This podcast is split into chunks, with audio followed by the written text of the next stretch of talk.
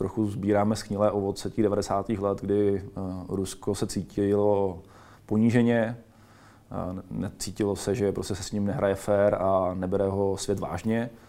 A Putin vlastně jako vracel Rusům trošku jako sebevědomí, ale to, kam to dospělo, je, je bohužel, bohužel až moc. No.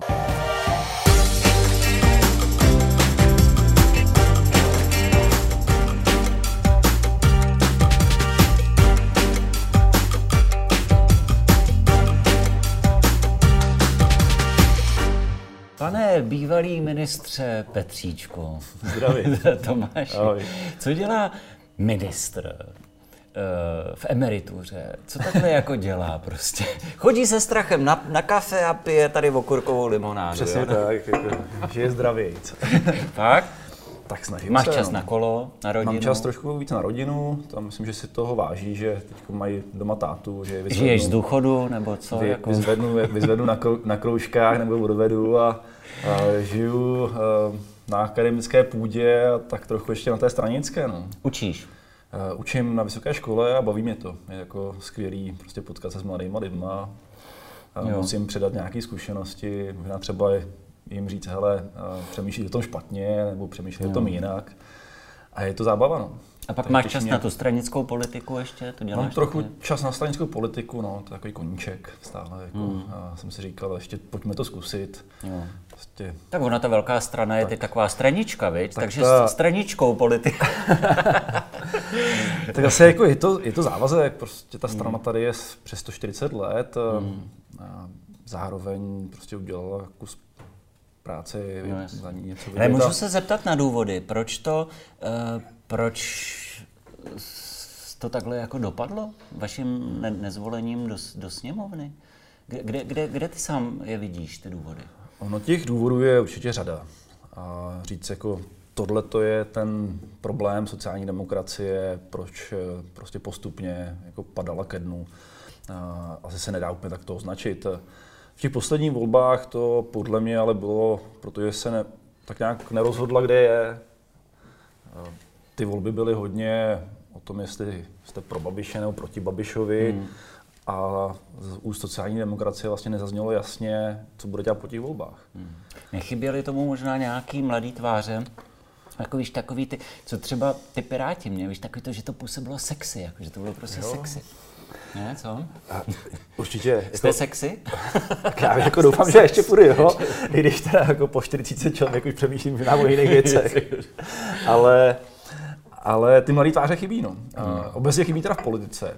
Jako, tady spousta lidí prostě jsou desítky let a, a nových tváří moc v politice není. No ale tvůj nástupce v, třeba na ministerstvu zahraničí. Ale třeba, ale třeba Piráti jsou, Piráti jsou jedni z mála, kteří dnes asi jsou uh, přitažliví pro, uh, pro mladý, uh, jsou schopní prostě uh, je oslovit, což uh, v případě sociální demokracie neplatí a on se nechal i vlastně uh, Ivan Bartoš slyšet, že jako by asi byl normálně levičák nebo sociální demokrat, nebýt třeba paroubka. Jo.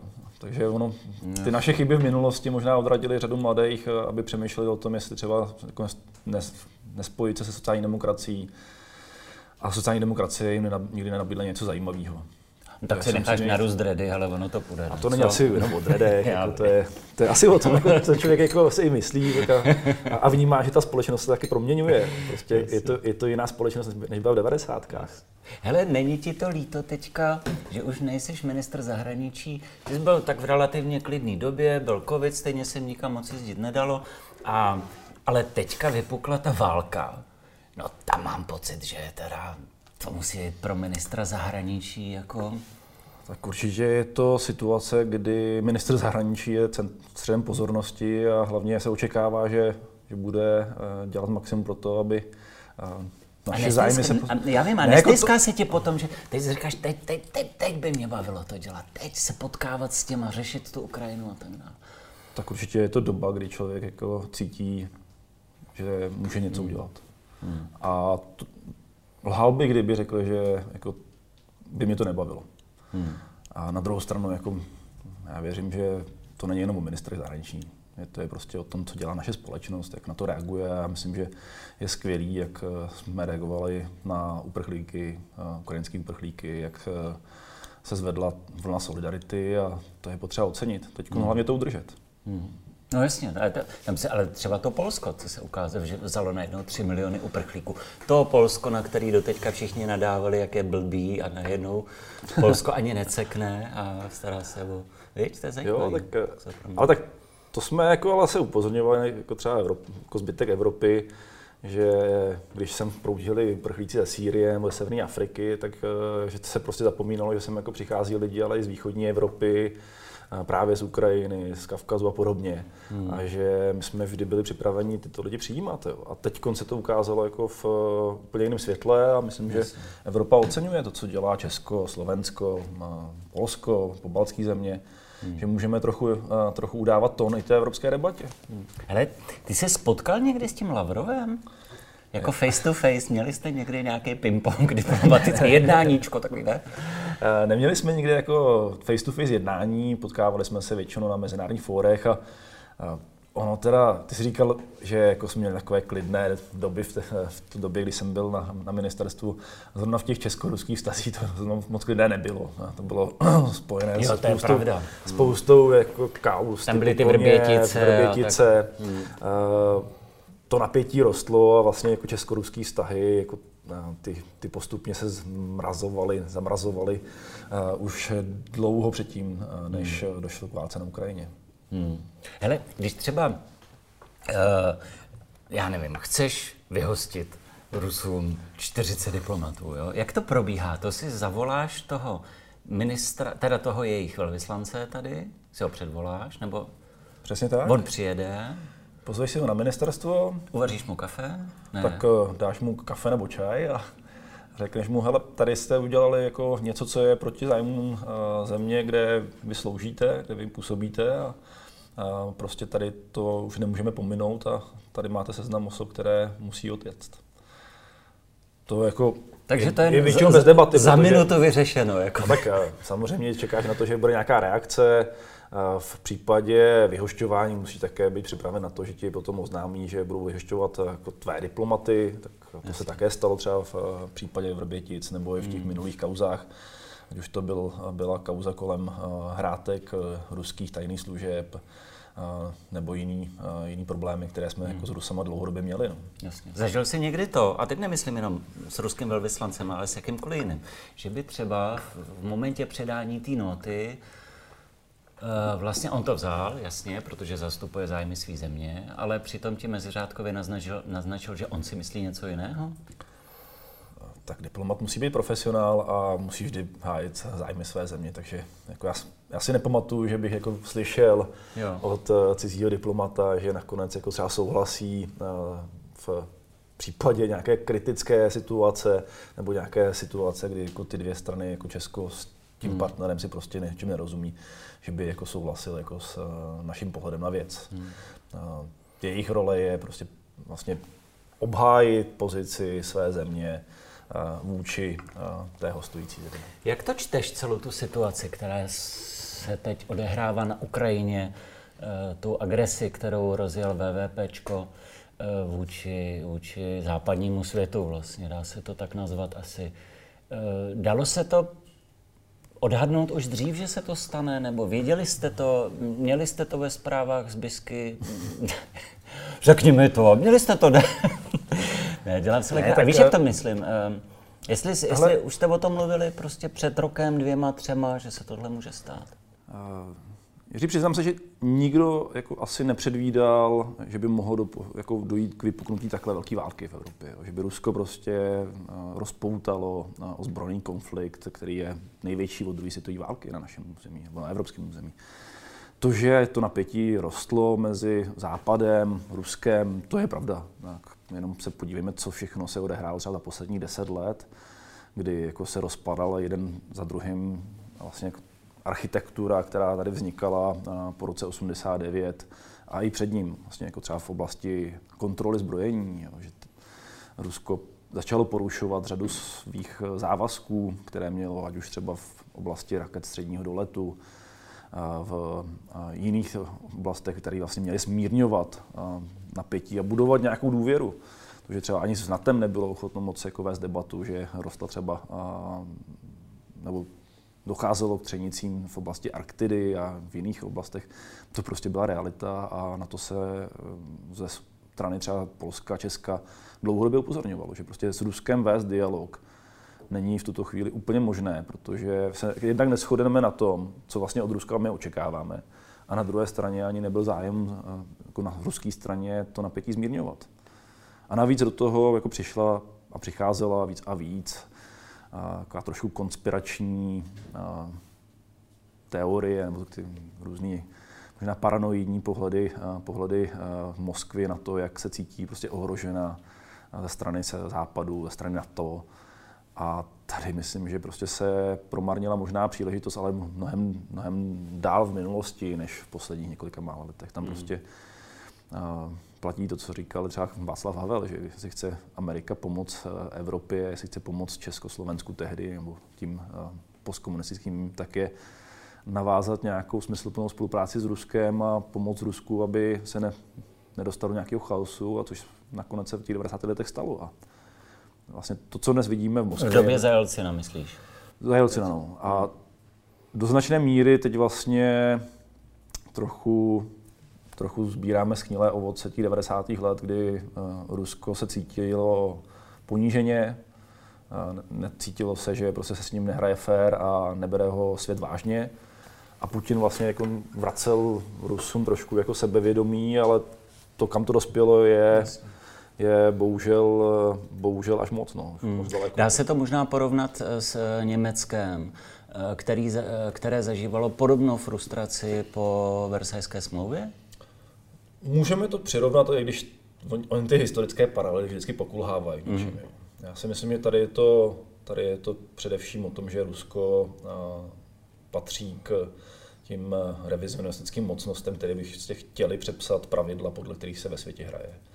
Hmm. A je to, je to prostě pozice země, která jako ekonomicky nehraje nějakou zásadní roli porovnání s Čínou, Indií, USA, Evropskou unii. Je to de facto ekonomický trpaslík.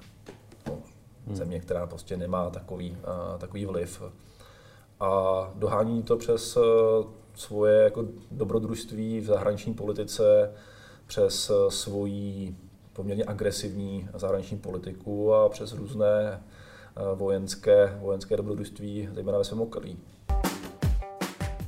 Co Čína?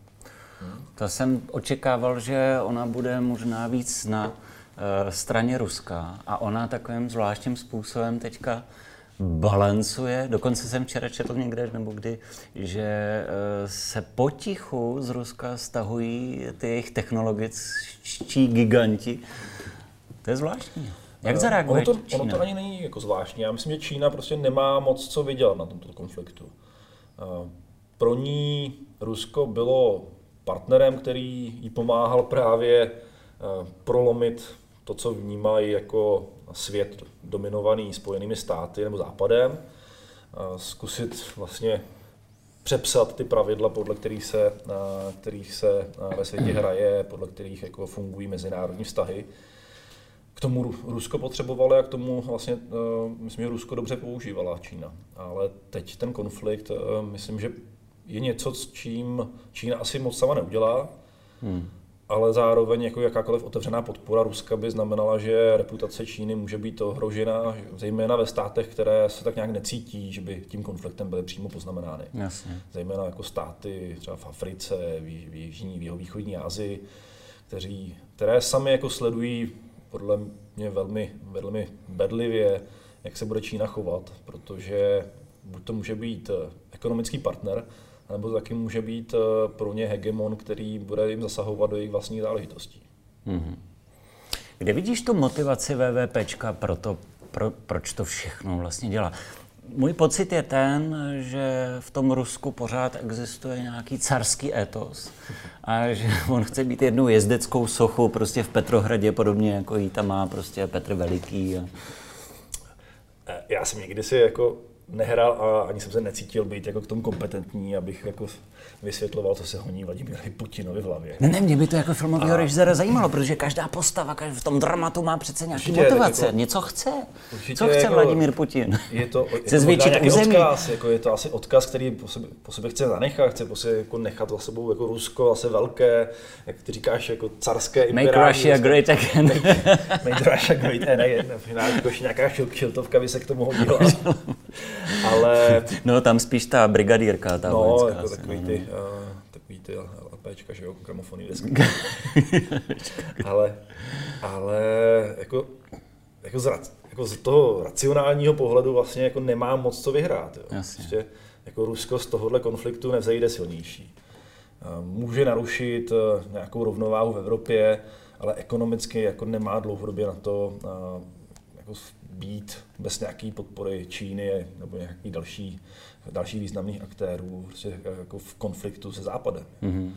Jako ruská ekonomika je jenom něco málo větší, než je jako ekonomika nizozemí. Vidíš v tom celém, protože vždycky, když vypunk, vypukne konflikt mezi dvouma lidma, nebo ne, tak asi vždycky na to má trošku podíl každá strana. Že? Když se rozvádí manželství, těžko říct, může za to jenom on a ona je svatá, nebo obráceně. Tak. Eh, Na co narážím? Eh, Narážím na slova papeže Františka, který řekl, že na to štěkalo blízko ruských dveří, až se to Rusko vlastně možná do jistý míry oprávněně na... To řekl papež František. Já se ptám, kdybychom se sebekriticky měli podívat do našeho západního světa, vidíš ty tam někde nějaký náš podíl, podíleček viny, který kdyby jsme bývali neudělali, nebo mohli jsme udělat lépe? Já už jsem to říkal, že podle mě jsme mohli udělat eh, hodně věcí lépe v 90. letech. Mm-hmm. Jednak eh, zajistit to, že Rusko se nebude cítit eh, jako poražená země z studené války, která, se kterou je prostě eh, zametáno. Ehm, Bude mít nějakou perspektivu a hlavně jako lidi v Rusku budou jako moc se dívat na svět ne prismatem velikosti Ruska, ale toho, že se prostě budou mít dobře. Ale to se nestalo v 90. letech bohužel a jako chaos, který vlastně v Rusku nastal, takový jako bezpráví, které podle mě řada Rusů vnímala, tak, eh, tak je příčinou do značné míry jako vzestupu Vladimíra Putina a, a celé této kliky, která vlastně Rusko krok za krokem jako do konfrontace se Západem vedla.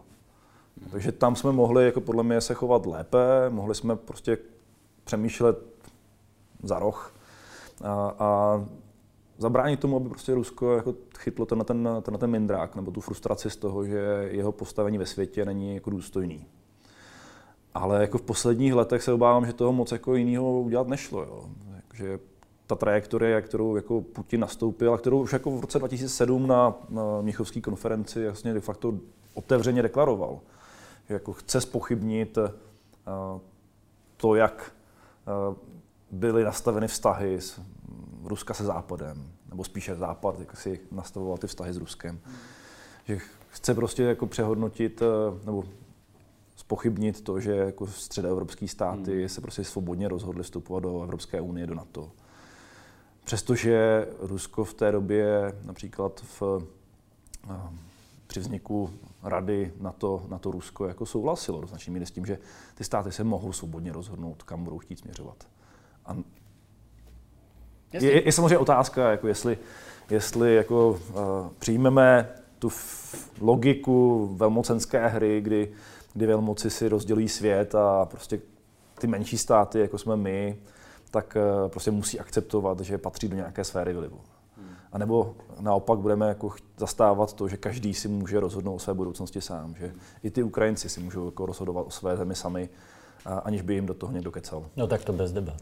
Ale ty, ty vnímáš ten vznik nebo to podhoubí toho problému v 90. Ale já si říkám, nebyl ten vykřičník už v tom roce 2000, později v tom roce 2014 eh, při zabrání Krymu už tak markantní. A tam jsme měli reagovat mnohem významněji.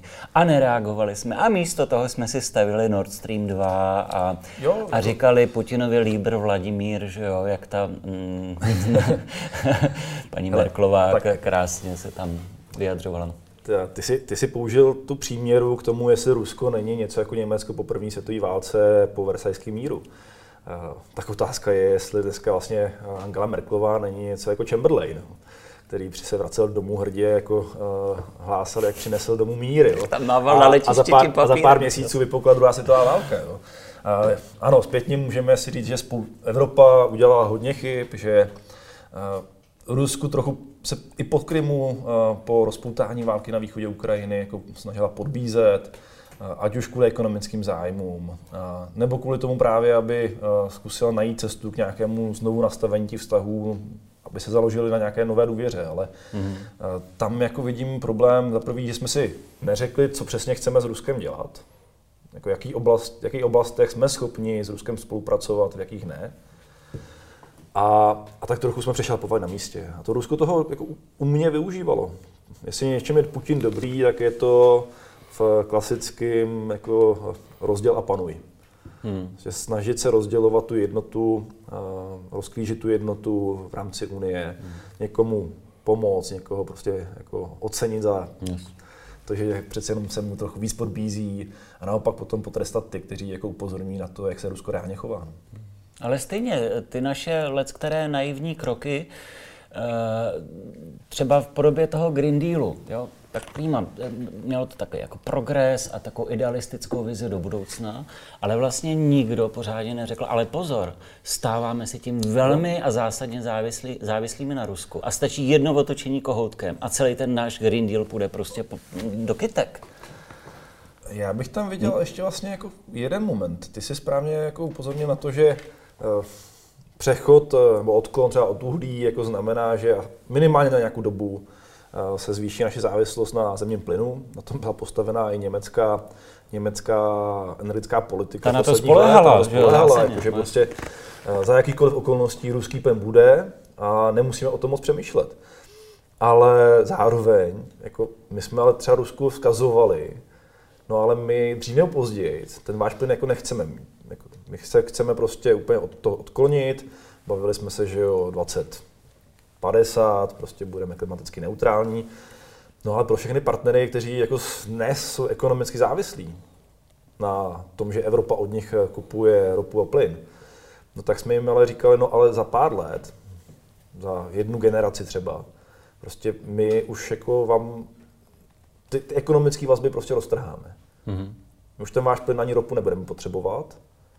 A nebavili jsme se s nima. Pojďme se teda jako podívat, co bychom mohli dělat společně, aby i vaše ekonomická perspektiva tady nějaká byla. Jo, aby jsme vám nezastavili veškerý příjem třeba do státního rozpočtu. Že jako Rusko, ale i státy zálivu, Severní Afriky jsou prostě na, na fosilních palivech dneska hrozně moc závislí případě Ruska je to nějaký 40-50% státního rozpočtu. Hmm. A když jako vím, že můj jako dominantní partner, ten, co je nejvíc skupuje moje, můj, můj export, no, tak mi říká, hele, já tě nebudu za chvilku potřebovat. Tak taky ta vzájemná závislost prostě se jako začíná rozvolňovat a, a mohlo to hrát i roli v těch úvahách, jako v Kremlu, že hele, Evropa stejně nebude spolehlivý partner do budoucna proč bychom teď jako se s ním snažili najít nějakou dohodu. No. Hmm. Takže těch chyb možná mohlo být víc, ale první je, podle mě tam chyběla strategie, co chceme s Ruskem jako dělat. Jaký vztahy si vlastně sami představujeme. Jo. A zároveň jako ukázat, že ale nejsme ochotní zkousnout úplně všechno. Jo. Že hmm. prostě nebudeme prostě lítat do Moskvy a poklonkovat se Putinovi. Ale je fakt, že mo- ta... za, za nějaký jako ekonomický, ekonomický benefity. Máš pravdu, ale tohle je možná naše uvažování nás, té části teda bivšího sovětského satelitu, na Poláci, my Slováci a tak, že vlastně s tou ruskou mentalitou, eh, minimálně od 68. ale ještě už od 45. řekněme, tak s tím máme mnohem věc, větší zkušenost. A já mám kolikrát pocit, jako že ten Západ této naší zkušenosti příliš nenaslouchal. Že řekl, no jo, oni ty, ty východňáry si tam stýkají. Ať jsou rádi, že jsme je vzali do EU a do NATO a, a šoupou nohama. Že vlastně tuhle tu naši zkušenost oni vůbec nevnímali jako, jako relevantní, jako skutečnou obavu. Může to být. Jo, že... Ne, může to být. Bylo to tak? tak do jistý míry ano. Tak, jo. jako, ta žitá zkušenost je prostě nepřed, nepřenositelná. Prostě francouzům, španělům těžko předáš tu zkušenost, kterou já jsem neměl, ale generace našich rodičů třeba si zažila po 68. Jo. Lidi, kteří prostě si prošli jako 40 let totality u nás, tak se na Rusko nějak dívají. To v případě francouzů nebo jiných prostě tak tady silný není. Prostě pro ně Rusko je poměrně vzdálený problém, rozhodně třeba tak intenzivně nevnímají to jako bezpečnostní riziko pro sebe. A třeba ty bezpečnostní rizika vnímají jiný. A ono hmm. byla otázka, jestli bychom taky třeba nemohli víc naslouchat jako jejich problémům, říct hele, jako my rozumíme vašim obavám z nějakých problémů, které vy vidíte v Africe nebo jinde, nebo na Blízkém východě. A zároveň ale jako vy musíte pochopit nás. Prostě pro nás Rusko je ten velký medvěd za humny, který pořád jako vnímá ten prostor střední Evropy jako něco, co patřilo mu, co kontroloval, a co je pořád trošku v jeho, v jeho hlavě. A tady chci prostě rozhodovat o tom, co se tady bude dít. Hmm. A to se možná nepodařilo úplně jako uh, dotáhnout do konalosti, hmm. aby jsme si prostě v Evropě uvědomili, že prostě někdo má blíž nějaké, pro, nějaké problémy, někdo má vzdálenější problémy, ale i ty vzdálenější problémy musíme hmm. s našimi partnery řešit. Hmm. Říká mám... strategická konvergen, konvergence, zrovný slovo, jako, ale, ale k tý prostě jako nedocházelo moc rychle. No.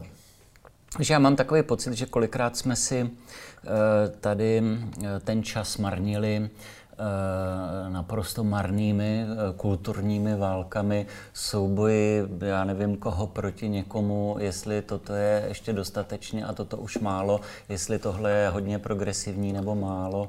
Víš, a mám pocit, že jsme, jak když se střelí do vrabců, najednou je, tyto problémy se ukazují být marginální proti tomu, co se děje vlastně teď. Když hrozí eh, nebo existuje a probíhá válka tak Evropa měla ten luxus, luxus eh, nějakých 70, 75 let jako bez, eh, bez velké války. A, a vlastně i v době studené války, tak přece jenom se jako, uh, dalo říct, že to bylo předvídatelnější, než je to možná dnes, kdy ten svět hmm. kolem nás se mění. A už jenom to, že bychom si mohli přiznat, že už dávno nežijeme v jednopolárním světě, kde západ dominuje všemu a že naopak jsou zde prostě jiné pohledy na to, jak eh, má být svět uspořádán, tak eh, už to samotné přiznání by nám pomohlo se třeba to na to přizpůsobit, tomu přizpůsobit, eh, nebo něčemu zabránit, nějakým jako horším věcem zabránit. Jako dneska to není už jenom téma, jestli probíhá někde malý konflikt. Dneska je to skutečně o tom, jestli jako znova se vracíme do období velkého mocenského soupeření se všemi riziky, včetně toho, že se tady uh, haraší, haraší jadernými zbraněmi, na což jsme posledních 30 let možná zapomněli, že tady takový problém máme. A ten luxus možná jako nás vedl k tomu, že jsme potom jako se často, často upínali na zástupné problémy, že jsme se žrali mezi sebou, neustálých sporech o to, co je důležité a co není. Jo. No ano, a touto, těm, těmito zbytečnými konflikty jsme si tady vyrobili rozdělenou společnost. My nejsme jednotní, přece to jako my dva, jo. Tak ale rozdělená. ale jako ono to není, jako jestli naše společnost je rozdělená. Možná je fragmentovanější, ano. Možná prostě jako lidi dnes uh, někteří necítí se zastoupení, někteří prostě mají pocit, že se neřeší problémy, které by prostě oni považovali za důležité, aby se řešili. Přispívají k tomu sociální sítě. No, prostě no, tam jsme každý ve své bublině a jako bohužel Facebook, Twitter, všichni na nás prostě sypou jenom zprávy, které chceme slyšet a které chceme číst. Jo. Hmm. Nechceme moc jako se pobavit s lidmi, kteří mají jiný názory. Jo, tak my jako na všechno se taky neschodneme, ale to ještě neznamená, že si prostě nemůžeme dát kafe nebo pivo. My se pobereme, až se vypnou ty kamery. No, to můžeme potom, potom si vyměnit názory na, na spoustu věcí, ale, ale chybí možná nějaký společný, společný cíl. A ten společný cíl je otázka, jestli se nám teď vrací, protože si uvědomujeme, jak důležitá bezpečnost je. Jo, že jako bez bezpečnosti a bez míru jako spousta dalších věcí se se nedá ani prostě jako řešit, ani se o tom nevede debata. Když mluvíme o, o té rozdělené společnosti, tak pro mě ta orientace dřív byla celkem zřejmá. Tady byl někdo nalevo, tady byl někdo napravo. A teď mám pocit, že, že, že vlastně tyhle ty mantinely se, se ztrácejí a že se to rozděluje na ty, kteří hmm. buď rovnou vulgárně nadávají a dávají ty nálepky, anebo pak je tady část zbytek lidí z bývalého leva, z bývalého prava, kteří spolu nějak chtějí mluvit a chtěli, chtějí spolu mluvit slušně, slušně a tím dialogem hledat nějakou cestu e, do svornosti. Nemáš taky ten pocit, že to levo a pravo už neexistuje dneska? Určitě levo a pravo asi už neexistuje v té podobě, jak jsme ho znali. Možná je to škoda, možná jako návrat nějakým tradičnějším uh, hodnotám. Hodnotám. Je to mi zní strašně hezky. Ale Návrat ono, k tradičním hodnotám. Můžeš ale, mi to říct ještě jednou, prosím, Tomáš. Ale tak třeba mezi tradiční hodnoty třeba patří jako solidarita ve společnosti. Jo. Eh, schopnost si jako naslouchat. A schopnost vést dialog. Schopnost vést dialog a, a ono to jako nemusí být nutně, že se vracíš k nějakému jako, uh, často iluzornímu zlatému věku. Jo. Já vždycky se, jsem byl jako překvapen, jak Britové třeba podlehli podle dojmu, že eh, Brexit bude eh, návrat do něčeho jako zlatého, co nikdy neexistovalo reálně. Ale ta, ta schopnost možná vést ten dialog, eh, naslouchat se a vlastně jako uvědomit si, že cílem není toho druhého jenom za každou cenu přesvědčit nebo ho označit, že je blbej. Ale najít kompromis, najít prostě jako porozumění a třeba shodnout se na tom, že si prostě jako v některých věcech nerozumíme úplně nebo se neschodneme, je jako hodnota sama o sobě. Že, že někdo chce pokrok, někdo chce prostě jako ideálně, aby se nic neměnilo, to ještě neznamená, že by se spolu lidi nemohli o tom bavit a neměli se o tom bavit. A někdy mi přijde vlastně, že ta snaha je, že část společnost by jako chtěla přeučit nebo poučit, poučit uh, tu druhou stranu ne proto, aby jsme třeba se mohli lépe o to, těch věcech, problémech bavit, hmm. ale vlastně, aby přistoupili na to, eh, co je pro mě důležité, abych přistoupili na to, jak já vnímám svět. Není v tom a, pícha? A já myslím, to že to poučování druhého, to znamená, já jsem lepší a můžu tě poučovat. To já, to, já to, to, tam vždycky vnímám jako obrovský rozměr jako z nezdravého sebevědomí a píchy. Určitě v tom trochu, trochu píchy, no. Je to vlastně ale také neochota se vžít do situace někoho jiného. Že každý máme nějaké své zkušenosti, každý prostě máme nějaké prostředí, v kterém jsme vyrůstali, kde pracujeme. Ta naše žitá zkušenost prostě jako pro každého z nás je jiná. Jasně. A přiznat si to, že ta žitá zkušenost je důležitá, že vlastně nás, nás formuje, utváří náš pohled na svět, není otázka jenom vzdělání, není to otázka jako přeučit nebo reedukovat někoho, ale je to o tom, abychom prostě si o tom normálně promluvili a řekli si prostě ano, proč, proč se cítíš třeba jako špatně, nebo proč se jako díváš na věci kriticky. Ne proto, že bych tě přeučil, že nedívej se na věci kriticky, protože tak, jak to já vidím, tak je to správně. Jediné, jediná správná prostě věc na světě je, jak já vidím svět. A to nám možná dneska chybí v té společnosti. Navíc je to umocňováno sociálními sítěmi, internetem, protože nás to drží právě naopak v té komfortní zóně, v tom, že se radši bavíme jenom s lidmi se stejnými názory hmm. a už potom nejdeme do té čtyřky uh, nechat si třeba zanadávat. Hmm nebo poslechnout si to, jak lidi nadávají jako na, na politiku, tak víš co? co se děje v Praze. Hele, sítě sami o sobě jsou dobrý, jo, ale když se k tomu přidá to sociální. Promiň, to Ale to sociální, sociální nakonec je jako důležitý. Jo. Tak eh, když jsme se bavili o studené válce, tak eh, třeba ta společnost na západě byla mnohem možná víc semknutá právě proto, že jako byla schopná se shodnout na mnohem víc věcech eh, od toho, je, co jsou bezpečnostní hrozby, ale také po to, pro, po to, že jako sociální smír je vlastně součástí naší bezpečnosti. Hmm. Prostě rozdělená společnost, společnost, která je fragmentovaná e, i majetkově, e, kde jsou obrovské sociální rozdíly, tak e, jako těžko bude jako čelit dlouhou dobu, dlouhou dobu nějakému riziku. Na druhou stranu zase, když někdo hodně pracuje a tou prací syn vydělá na svůj majetek, eh, tak asi má víc majetku než ten, kdo třeba celý mládí si procestuje pro světě, po světě a všechny peníze, které vydělal, tak rozhází. Tak ten si pak nemůže stěžovat, to, že to nemá je, na svůj ale taky trochu zjednodušení toho, jako v, jaké, v jaké společnosti žijeme. Jo, řada, lidí, řada lidí prostě majetek zdědí. Že jo.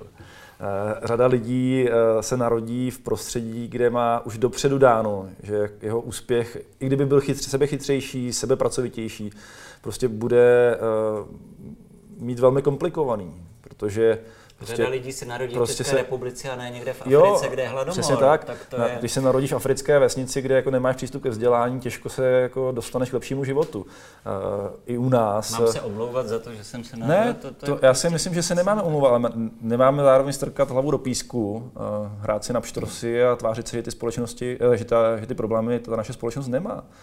Jako proč třeba jako dneska hrozně důležitou roli hraje, do které školy chodíš. Hmm.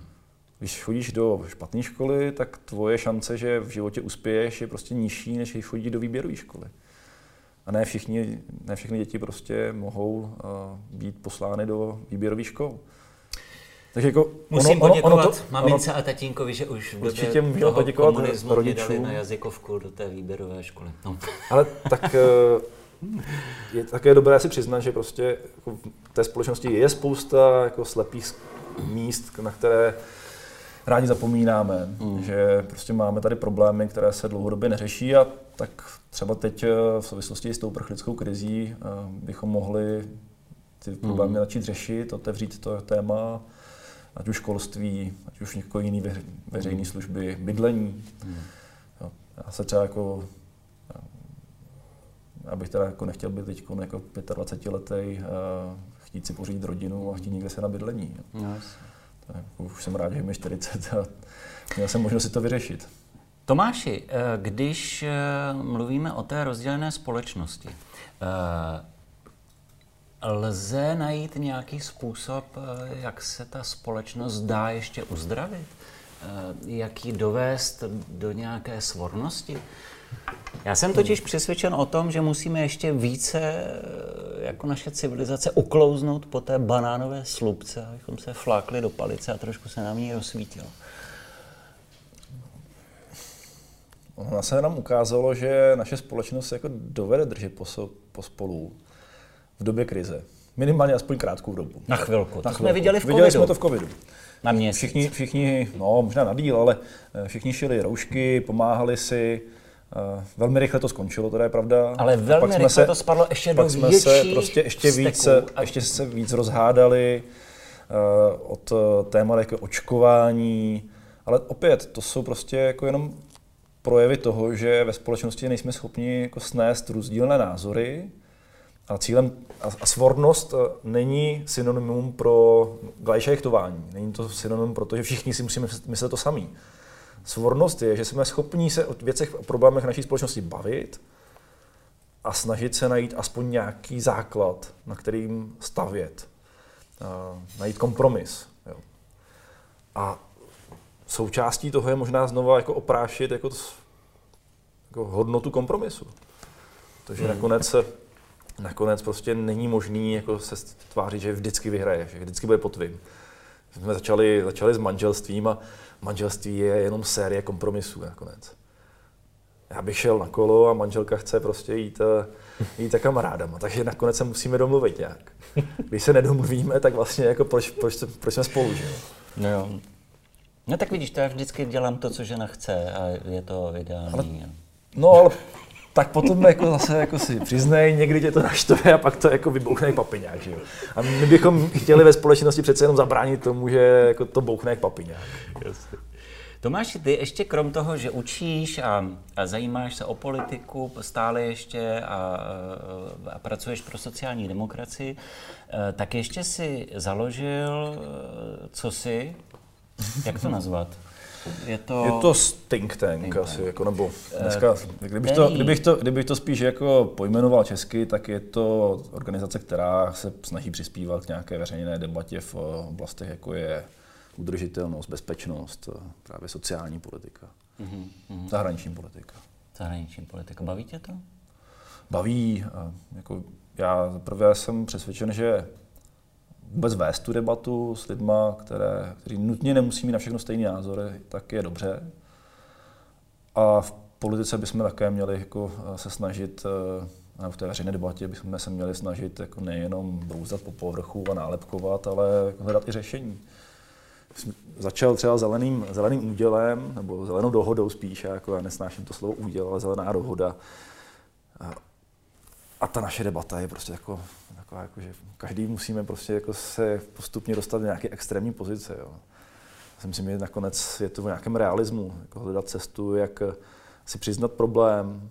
Asi chceme jako nechat svým dětem jako planetu, na který budou moct žít a, a která bude v nějakém dobrém stavu. A součástí toho je hledat i nějaká, nějaká řešení, která k tomu povedou. Jo. Asi naše závislost třeba na fosilních palivách skutečně není ta nejzdravější. Jo. A teď nejenom kvůli bezpečnosti. Jo. Ono to je taková velká jedna fosilní bublina. No tak já doufám, že až tu debatu jednou ve vašem progresivním centru budete chtít posunout tím správným způsobem, že pozvete bigotního katolíka Stracha, jak se o mě píše na sociálních sítích, a e, že se propracujeme ve společném dialogu k nějakému hezkému, svornému posunu světa. jo, jako jestli těm bude vadit, že e, zase tě pozve Eurohujer, Tomáš Petříček, tak, tak, e, tak rád. Já jsem Eurohujer je Tomáš Petříček, mám moc rád. Přesvědčen, že je to právě o tom, že se nebudeme nálepkovat, že jsme v tomhle tom dobrý. My se umíme jako skvěle nálepkovat a tím si jako omlouváme to, že se spolu nebavíme. E, může si bigotní katolík strach e, s evropským eurohujerem Tomášem Petříčkem na závěr naší, našeho společného setkání udělat společné selfie? Určitě. Děkuji moc. Děkuji moc.